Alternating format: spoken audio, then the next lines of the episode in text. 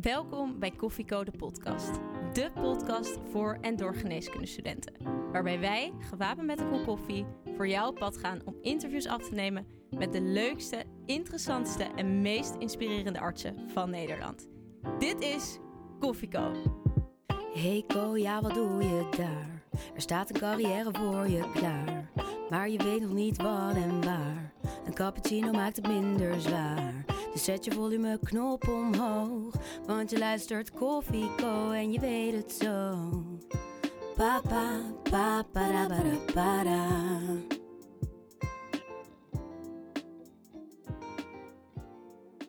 Lieve luisteraars, leuk dat jullie weer luisteren naar de huisartsenserie van Koffieko, de podcast. Dit is een hele speciale aflevering. We hebben namelijk twee gasten vandaag en het is mijn laatste aflevering, omdat ik ondertussen arts ben geworden. Maar ik draag mijn stokje over aan een jong talent, Teuntje Dop. Teuntje, jij loopt nu kooschappen, maar weet je al wat jij later, een, eh, als je oud bent, gaat worden? Dat vind ik een lastige vraag. Want ik vind eigenlijk tot nu toe alles wat ik doe tijdens de kooschappen heel leuk. Maar huisarts is zeker een van mijn opties. Dus wie weet. Ik ben erg benieuwd. We gaan het vandaag hebben over de wetenschap binnen de huisartsgeneeskunde. En we gaan in gesprek met Florien van Rooyen, arts in opleiding tot huisarts en onderzoeker, oftewel AYOTO. En Dorien Zwart, praktiserend huisarts in de beeld en afdelingshoofd van de afdeling huisartsgeneeskunde in het UMC Utrecht. Florien, zou je ons kunnen vertellen hoe jij Dorien eigenlijk kent? Ja, zeker. Uh, ik ken Doreen als mijn afdelingshoofd, uh, wetenschappelijk afdelingshoofd. Want ik doe de huisartsopleiding in combinatie met een promotietraject. En binnen mijn promotietraject gedeelte is Doreen mijn afdelingshoofd. En is ze een beetje een fijne afdelingshoofd uh, om te hebben? Ja, ze staat wel goed bekend. Ja, ja. Zo hoor je nog eens wat, dank je. en we zijn dus nu in gesprek over onder andere het zijn van een IOTO. En Florien, jij bent een IOTO. Wat ja. is dat precies? Ja, het is een grappige afkorting. Hè? Um, het staat dus voor arts in opleiding tot huisarts en onderzoeker. Uh, en het is een combinatie van een promotieonderzoek en de huisartsopleiding. En dat betekent dat je zo'n zes, zeven jaar bezig bent met alles in totaal. En dat je periodes van opleiding en onderzoek doen afwisselt met elkaar. En dan uh, uiteindelijk aan het einde van de rit van de zes, zeven jaar ben je zowel huisarts als gepromoveerd. En hoe wissel je die dan af van elkaar? Ja, dat, de meeste van de IOTO's die doen dan, uh, nou ja, wat, wat, ik nu doe is bijvoorbeeld uh, een jaar wetenschap en dan weer een jaar onderzoek. Straks ga ik zelfs weer een half jaar opleiding en dan weer terug onderzoek doen. Dus je kan het een beetje zo schuiven. Periodes. Je mag niet langer dan een jaar uit de opleiding zijn. Uh, dus niet langer dan een jaar wetenschap achter elkaar doen. Uh, en uiteindelijk moet je eindigen met je derde jaar van je huisartsopleiding. En, maar je kan het ook anders combineren. Je zou bijvoorbeeld ook sommige collega's die doen de huisartsopleiding en doen ze één dag per week onderzoek als deel van een IOTO-traject. Dus het is heel individueel ook in te delen. Doreen, heb jij zelf ook veel te maken met IOTO's? Zeker, een deel van mijn promovendi, dus de, de, de um, PhD-students die ik begeleid, die is IOTO. We, we hebben ook wel niet uh, IOTO-onderzoekers um, bij ons en, en, en, mensen die promoveren. Maar de meeste combineren de opleiding samen met uh, het promotietraject. Hoeveel IOTO's heb jij onder jou? Nou ja, we, formeel valt de hele afdeling onder mij. En dan heb ik, hebben we er uh, volgens mij op het moment 22. Um, en ik heb op dit moment zes proces van de acht, denk ik, die IOTO zijn. Hoe zijn ja. ooit de IOTO's ontstaan? Dat is een heel goed idee geweest van mijn voorgangers. Um, 25 jaar geleden um, was er onder de afdelingshoofden veel ambitie om de huisartsgeneeskunde verder te academiseren. En we hebben een, een vak wat eigenlijk sinds de jaren 70 van de vorige eeuw een opleiding heeft, hè, dus een specialisatie tot huisarts. Uh, maar het was nog steeds behoorlijk ongewoon om wetenschap te doen in de, in, de, in de huisartsgeneeskunde, terwijl het heel erg nodig is. Het is een ander vak met een heel andere um, epidemiologie en een heel andere set aan ziektes en een heel andere um, uh, patiëntenpopulatie en een andere insteek. En, en dat kun je heel goed wetenschappelijk onderzoeken. Maar het bleek best heel lastig om op het moment dat je als huisarts werkt, om dan nog te willen promoveren, hè, om dan nog een promotieonderzoek te doen. En ehm, nou, mijn voorgangers, afdelingshoofd, die hebben gedacht... we willen, we willen een, een, een, een impuls geven aan de academisering van de huisartsgeneeskunde. Hebben eigenlijk samen met de SBOH, dat is de werkgever van alle huisartsen in opleiding al een lange tijd... Uh, daar een plan voor bedacht. En dat plan, dat was het IOTO-schap. En uh, um, daarmee combineren we inderdaad dus de, de, de opleiding met een promotietraject... En dat is toch, er is sommige mensen die zeggen ook nog wel, waarom moet dat allemaal tegelijk? Dat kan toch na elkaar? Maar, maar toch blijkt dat een heel goed moment te zijn om, uh, om die twee dingen te combineren. Dus je kan nog zeggen, je kunt ook eerst promoveren en dan in opleiding gaan. Dat is natuurlijk iets wat heel veel gebeurt in de specialistenopleiding.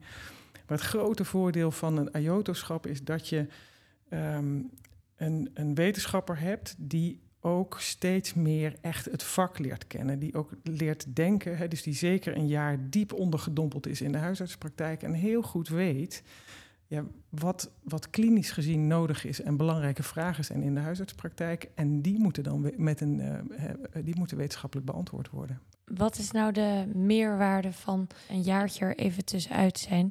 Want dan kijk je eigenlijk als het ware met een afstand uh, naar de praktijk.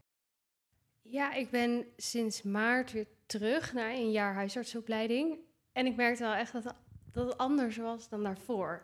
Dat je echt anders kijkt naar het onderzoek wat wordt gedaan. Dat je meer met een klinische blik gaat kijken van ja, maar je, dat, je kan heel snel verliezen in onderzoek en denken, oh ja, maar dit kan en dit kan. En dan je moet denken, dat werkt helemaal niet in de praktijk. Of dat is helemaal niet handig, daar heb je de tijd niet voor. Of je hebt die middelen niet, dus dat, daar kan je niks mee. Dus het is heel leuk, uh, juist dat je merkt dat je heel anders bent gaan denken. En andersom, wat pas je toe van het onderzoek weer in de praktijk? Nou ja, vooral met, denk ik, uh, uh, NAG-standaarden. Heel vaak zijn er noten onder waar het dan vandaan komt en zo. En ja, je bent wat beter in het interpreteren daarvan. En kom je erachter dat sommige claims die er dan in staan... dat die dan gebaseerd zijn op uh, ja, drie onderzoeken of zo. Dus niet, niet heel veel bewijs voor. Dus dan kan je wat gerichter misschien afwijken of zo van de richtlijn ook. Ik denk dat wat jij net zei heel belangrijk is... dat je... Dat je um, kijk, in een dataset zitten honderdduizend... Uh, vragen die je kunt beantwoorden. Er zitten allerlei dingen, je kunt fantastisch allerlei uh, um, uh, um, gegevens en kennis eruit halen, maar er is, er is niet heel veel echt relevant voor het moment in de spreekkamer en uh, voor de behandeling van patiënten. Dus ook worden er natuurlijk ook veel onderzoeken gedaan die inderdaad uit datasets gehaald worden met nou ja, waanzinnige hoeveelheden patiënten. Lijkt allemaal fantastisch, maar ja, weet je, helpt het nou werkelijk die dokter en die patiënt in de spreekkamer? En dat leer je beter zien als je ook praktijk hebt gedaan. Ja, want is huisartsgeneeskunde niet bij uitstek het vak waar, waar de relatie tussen arts en patiënt zo belangrijk is? En dus dat de wetenschap ook iets minder belangrijk is dan bij vakken die in het ziekenhuis worden uitgeoefend? Nee, ik denk dat de, dus de wetenschap is niet minder belangrijk, maar de um, de oorspronkelijke gedachte van evidence-based medicine, dat dat namelijk een driehoek is. Hè? Je hebt de patiënt en je hebt de dokter met zijn klinische blik en zijn expertise en je hebt de evidence. En die driehoek die kan je in de huisartsgeneeskunde wel heel veel beter bespreken, omdat er inderdaad ook een relatie is tussen die arts en die patiënt. Dus die verstaan elkaar natuurlijk vaak wel beter, omdat ze elkaar langer kennen. Maar die, die, die, uh, die kant van de evidence is eigenlijk net zo belangrijk. En je komt wat vaker misschien in het midden uit. Je kunt soms, en dat, dat is wat jij net zegt, ook beargumenteerder van richtlijnen die heel rechtlijnig op, op uh, alleen de evidence gebaseerd zijn, afwijken, omdat je wat beter hoort en snapt wat de patiënt wil en de patiënt ook jou beter vertrouwt om op een bepaald advies uh, af te gaan. Gewoon omdat je elkaar beter kent. En Florien, was dit dan ook jouw drijfveer om uh, überhaupt IOTO te worden? Ja, ik heb heel veel lang getwijfeld over, over wat ik nou wilde gaan doen na mijn geneeskundeopleiding, zoals eigenlijk heel veel uh, geneeskundestudenten doen.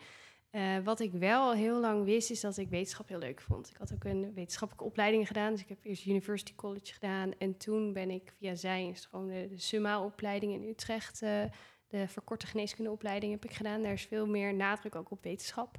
En ik wist vanuit die opleidingen wel dat ik graag verder wilde, of een promotietraject wilde doen, maar ik, wist niet waar. En toen uiteindelijk uh, langzaam kwam het besef, nou misschien is huisartsgeneeskunde wat voor mij. Ik weet nog heel goed, ik had een moment op de fiets vanaf college naar huis. Ik moest 30 minuten fietsen naar huis. En ik had nooit echt nagedacht over de huisartsgeneeskunde. En toen zat ik op de fiets en dacht ik, nou, laat ik nou eens visualiseren. Hoe zou mijn leven eruit zien als huisarts? En toen kwamen er zo ontzettend veel leuke beelden om, omhoog. Dus nou, ik deed de deur open, ik kwam iemand uit de wachtkamer halen. En ik zag het gewoon helemaal voor me dat dat ging gebeuren. En dat, dat ging eigenlijk niet weg daarna. En het werd alleen maar meer later met mijn kooschap. En toen kwam ik uiteindelijk via um, nou ja, huisartsgeneeskunde Nederland, zo een van de websites, of voor de, uh, hoe solliciteer je nou voor de opleiding, was een beetje aan het googelen. Toen kwam ik dus erachter dat er zoiets als een IOTO bestaat. Dus dat ik even te lezen en dacht ik, ja, dit is het. Maar ik, ik kende niemand die IOTO was. Ik, ik, wist dat helemaal niet. Dus ik heb gewoon gemaild naar het IOTO-e-mailadres van Utrecht. Toen ben ik er uh, langsgekomen om wat meer informatie te krijgen. Mag je dan helemaal je eigen onderzoek kiezen? Meestal reageer je gewoon op vacature voor een promotieonderzoek. Maar daarbinnen heb je wel wat ruimte om ook zelf invulling te geven aan je onderzoek. Maar vaak wel dus in, in, in een bepaald kader of een bepaald onderwerp. En je hebt dus eigenlijk gereageerd op een vacature, dus niet zozeer op een onderzoek wat je zelf hebt bedacht. Klopt, ja. En ik denk dat dat dan eigenlijk ook wel een mooie opening is naar de hu huisartsenvraag van de vorige keer. Josien Blanksma is uh, huisarts op Tessel en die had voor jullie inderdaad een vraag. Nou, misschien wel. Uh, kijk, ik krijg natuurlijk veel energie uit dat hè, patiëntencontact en het gesprekje tussendoor en de context waarin een, uh, een klacht zit. En ik vraag me af, als je wetenschap, wetenschap heeft mij eerlijk gezegd nooit zo heel erg getrokken. Omdat ik dan heel erg dat menselijk contact miste. Dus ik heb mijn wetenschapsstage echt, uh, die heb ik in de tropen gedaan, dan was het toch nog leuk. Maar voor de rest had ik er niet zoveel mee. Natuurlijk lees ik wel, raak ik wel steeds meer geïnteresseerd in het lezen van wetenschappelijke artikelen over huisartsgeneeskunde, omdat het over mijn vak gaat. Maar de vraag waar ik bij wil komen, hoe houd je als wetenschapper toch energie in je werk? Waar word je blij van? Want ik kan me dat niet per se heel goed voorstellen. Um, het inspireert eigenlijk naar beide kanten. Dus de, de, de wetenschap um, helpt mij in de praktijk soms op een andere manier kijken naar, naar, uh, naar patiënten of naar wat we aan het doen zijn, of om, om, om dingen te veranderen. Um, terwijl uh, sommige patiëntencontacten ook weer denken: oh ja, maar zo moeten we kijken naar deze data, of zo moeten we deze patiënten moeten we interviewen, deze vragen moeten we stellen. Betekent dat je juist met nog meer passie je vak zeker, Zeker. Voor mij is het heel erg versterkend. Het, heeft, het werkt echt op elkaar in. Het is overigens ook niet zo dat, dat en dat hoor ik een beetje in deze vraag, dat wetenschappers, hè, dus als je wetenschap doet, dat je dan alleen maar achter hele grote datasets zit. Hebben jullie meer IOTO's nodig? We, we, de, het streven is dat we eigenlijk, het liefst willen we 10% van de, van de huisartsen in Nederland gepromoveerd hebben. Dat is een soort, uh, soort verre doel geweest, hè, wat die 25 jaar geleden is uh, gesteld. Dat hebben we nog niet bereikt. Dus in die zin gaan we, willen we nog een heleboel IOTO's opleiden, ja, zeker. Ja. Ja, zeker. ja, ik kan er ook nog wel meer collega's bij gebruiken natuurlijk. En ik kan me voorstellen, want om heel veel mensen gaan, uh, om in opleiding te komen tot een specialist een PhD doen omdat het moet. Ja. Terwijl bij jullie eigenlijk uh, de motivatie heel erg vanuit intrinsiek komt. Ja, klopt. Ja, dus we zitten met een groep promovendi die er echt zit omdat ze dat leuk vinden. Uh, en ja, zeker, die zijn dus allemaal intrinsiek gemotiveerd. We hoeven niet doen, te doen van de opleiding. Het is niet nodig om aangenomen te worden. Um, ja, en daarom is het heel leuk. En ik denk ook dat de kwaliteit van het onderzoek daarmee omhoog gaat. We hebben met ik heb bijvoorbeeld ook de, de, master epidemiologie mogen doen erbij. Heel veel van mijn collega's doen dat. Uh, ja, dat is hartstikke leuk alleen maar. En Doreen, hoe zorgen jullie als um, opleiding huisartsgeneeskunde ervoor dat het inderdaad een intrinsieke motivatie blijft en niet op de lange termijn een opleiding wordt waarbij je moet promoveren? Die capaciteit hebben we helemaal niet, joh. En, en bovendien vind ik het ook een vorm van ijdeltuiterij om alleen maar uh, um, gepromoveerde basisartsen aan te nemen bij, je, bij, je, voor de huisartsopleiding. Dat is helemaal niet nodig. We hebben, ik denk dat elk vak dat nodig heeft, maar bij uitstek bij de huisartsgeneeskunde heb je een enorme mix aan kwaliteiten nodig. Hè. Dus we hebben, dus omdat we als huisartsen de hele Nederlandse bevolking moeten bedienen op allerlei plekken in Nederland, uh, heb je ook een heel divers publiek nodig. Dus wij moeten vooral selecteren op diversiteit. Um, we hebben echt, ik denk dat, dat ons vak heel veel heeft aan, aan academische onderbouwing en ook aan um, academische denkkracht. Dus elke dokter heeft een academische opleiding, dus die denkkracht is er wel. Maar op het moment dat je gepromoveerd bent, heb je er net nog even wat dingen bij geleerd. Dat helpt in bepaalde discussies. Maar we hebben ook bestuurlijke kracht nodig en we hebben innovatiekracht nodig en we hebben Um, dus je hebt allerlei verschillende soorten mensen nodig. Die, uh, die, uh, en, en dat zijn er niet alleen maar gepromoveerden. Dus daar hoeven we ook niet inderdaad bang voor te zijn. Hoef je niet bang voor te zijn. En ik hoop dat uh, mijn collega medisch specialisten het advies overnemen om ook wat meer diversiteit toe te laten in hun vak. In 2026 moeten er 1035 huisartsen worden opgeleid. Wat moet er veranderen om dit tekort tegen te gaan? Een van mijn overtuigingen is wel dat we um, de basisopleiding um, nu echt moeten omgooien. Toen ik geneeskundestudent was uh, in uh, de jaren negentig, toen praten we al over een ander curriculum. En dat het minder ziekenhuisgericht zou worden. Nou, het is nog steeds niet gelukt. We hebben nu een raamplan wat er alweer drie jaar ligt, volgens mij, bijna drie jaar.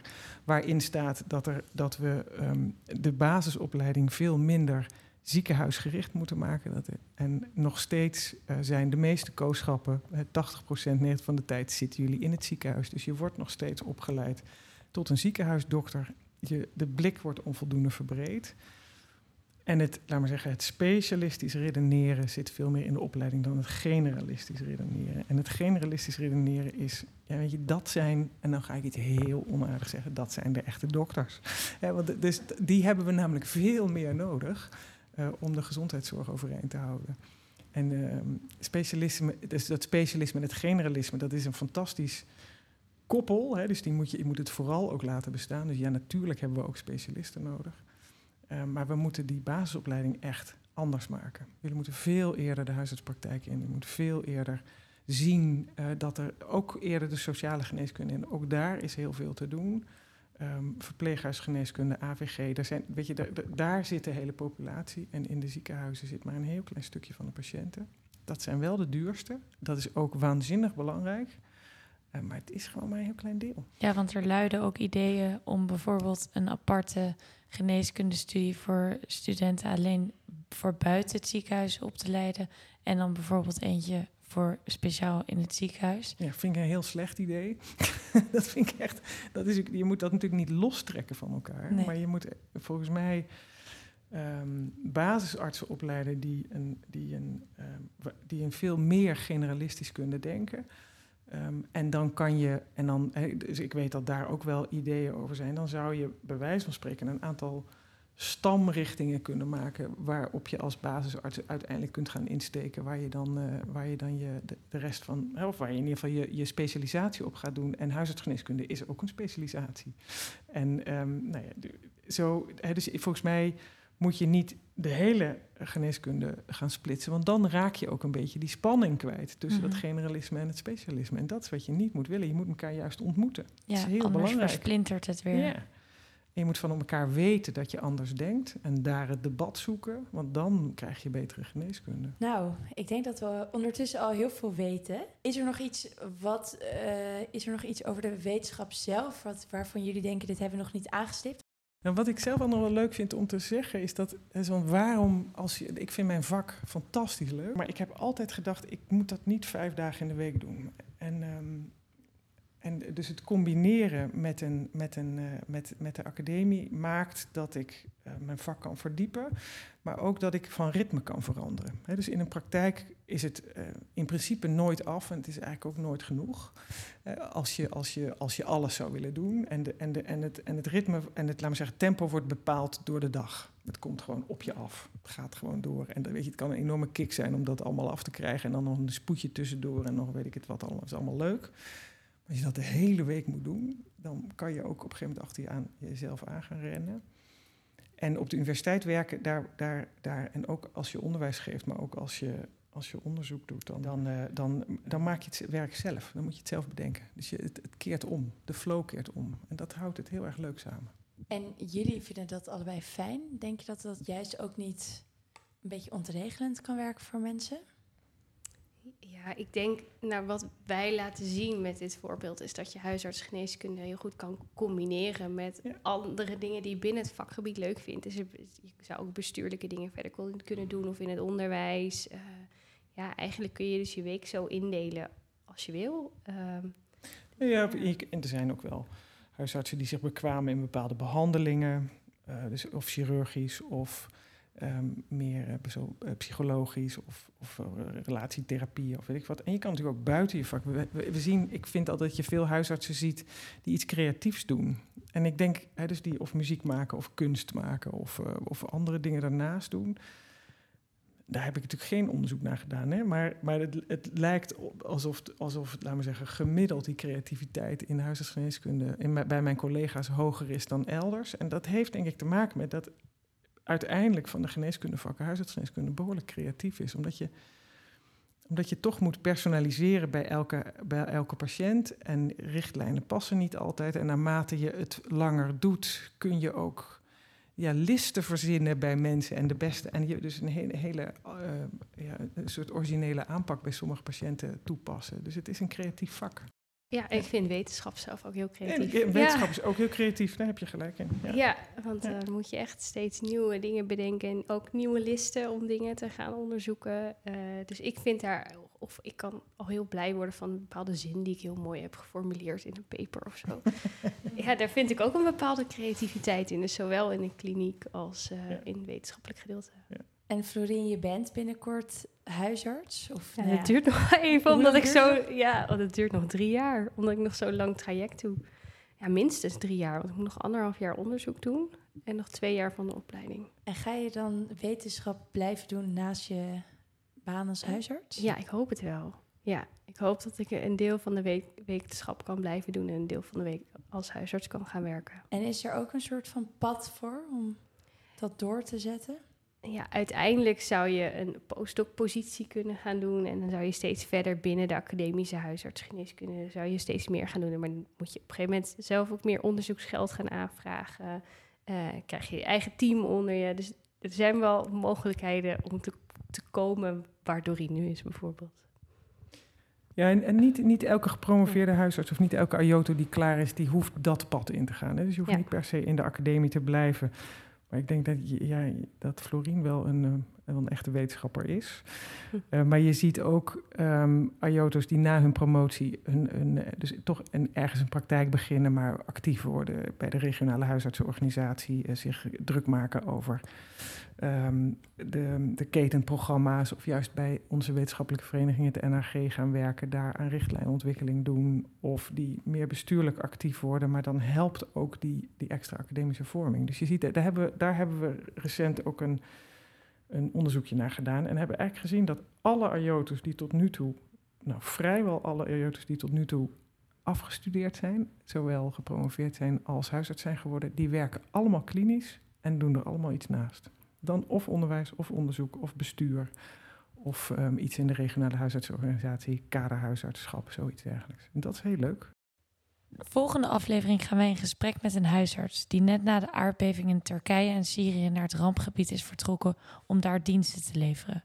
Wat zouden jullie hem willen vragen? Ik heb enorm veel bewondering voor deze collega. Um, ik ben heel erg benieuwd hoe hij zijn uh, passie voor het, voor het huisartsvak in Nederland combineert met zijn grote hart uh, voor, de, nou, voor dit soort de vluchtelingen en de, de moeilijke gebieden in, uh, in de wereld. En hoe die dat met elkaar combineert. En ik zou hem graag willen vragen. Ik kan me voorstellen dat, dat het heel um, veel voldoening geeft en heel goed voelt om je in te zetten. Ik kan me ook voorstellen dat het dan heel veel van jezelf opslokt. Dat je, um, hoe, hoe zorgt hij voor zichzelf in dat soort gebieden? Beste Florien en Dorien, dank jullie wel voor dit gesprek. Waarin jullie ons in ieder geval hebben overtuigd hoe mooi het huisartsenvak is. En ik denk veel van onze mede-luisteraars ook. Lieve luisteraars, dit was alweer de vijfde aflevering van de miniserie Geen huisarts is hetzelfde. Benieuwd naar de andere afleveringen? Volg ons dan vooral op Spotify. En Teentje die gaat huisarts worden. Zeker. Dankjewel. Heel goed. Pa, pa, pa, para, para, para.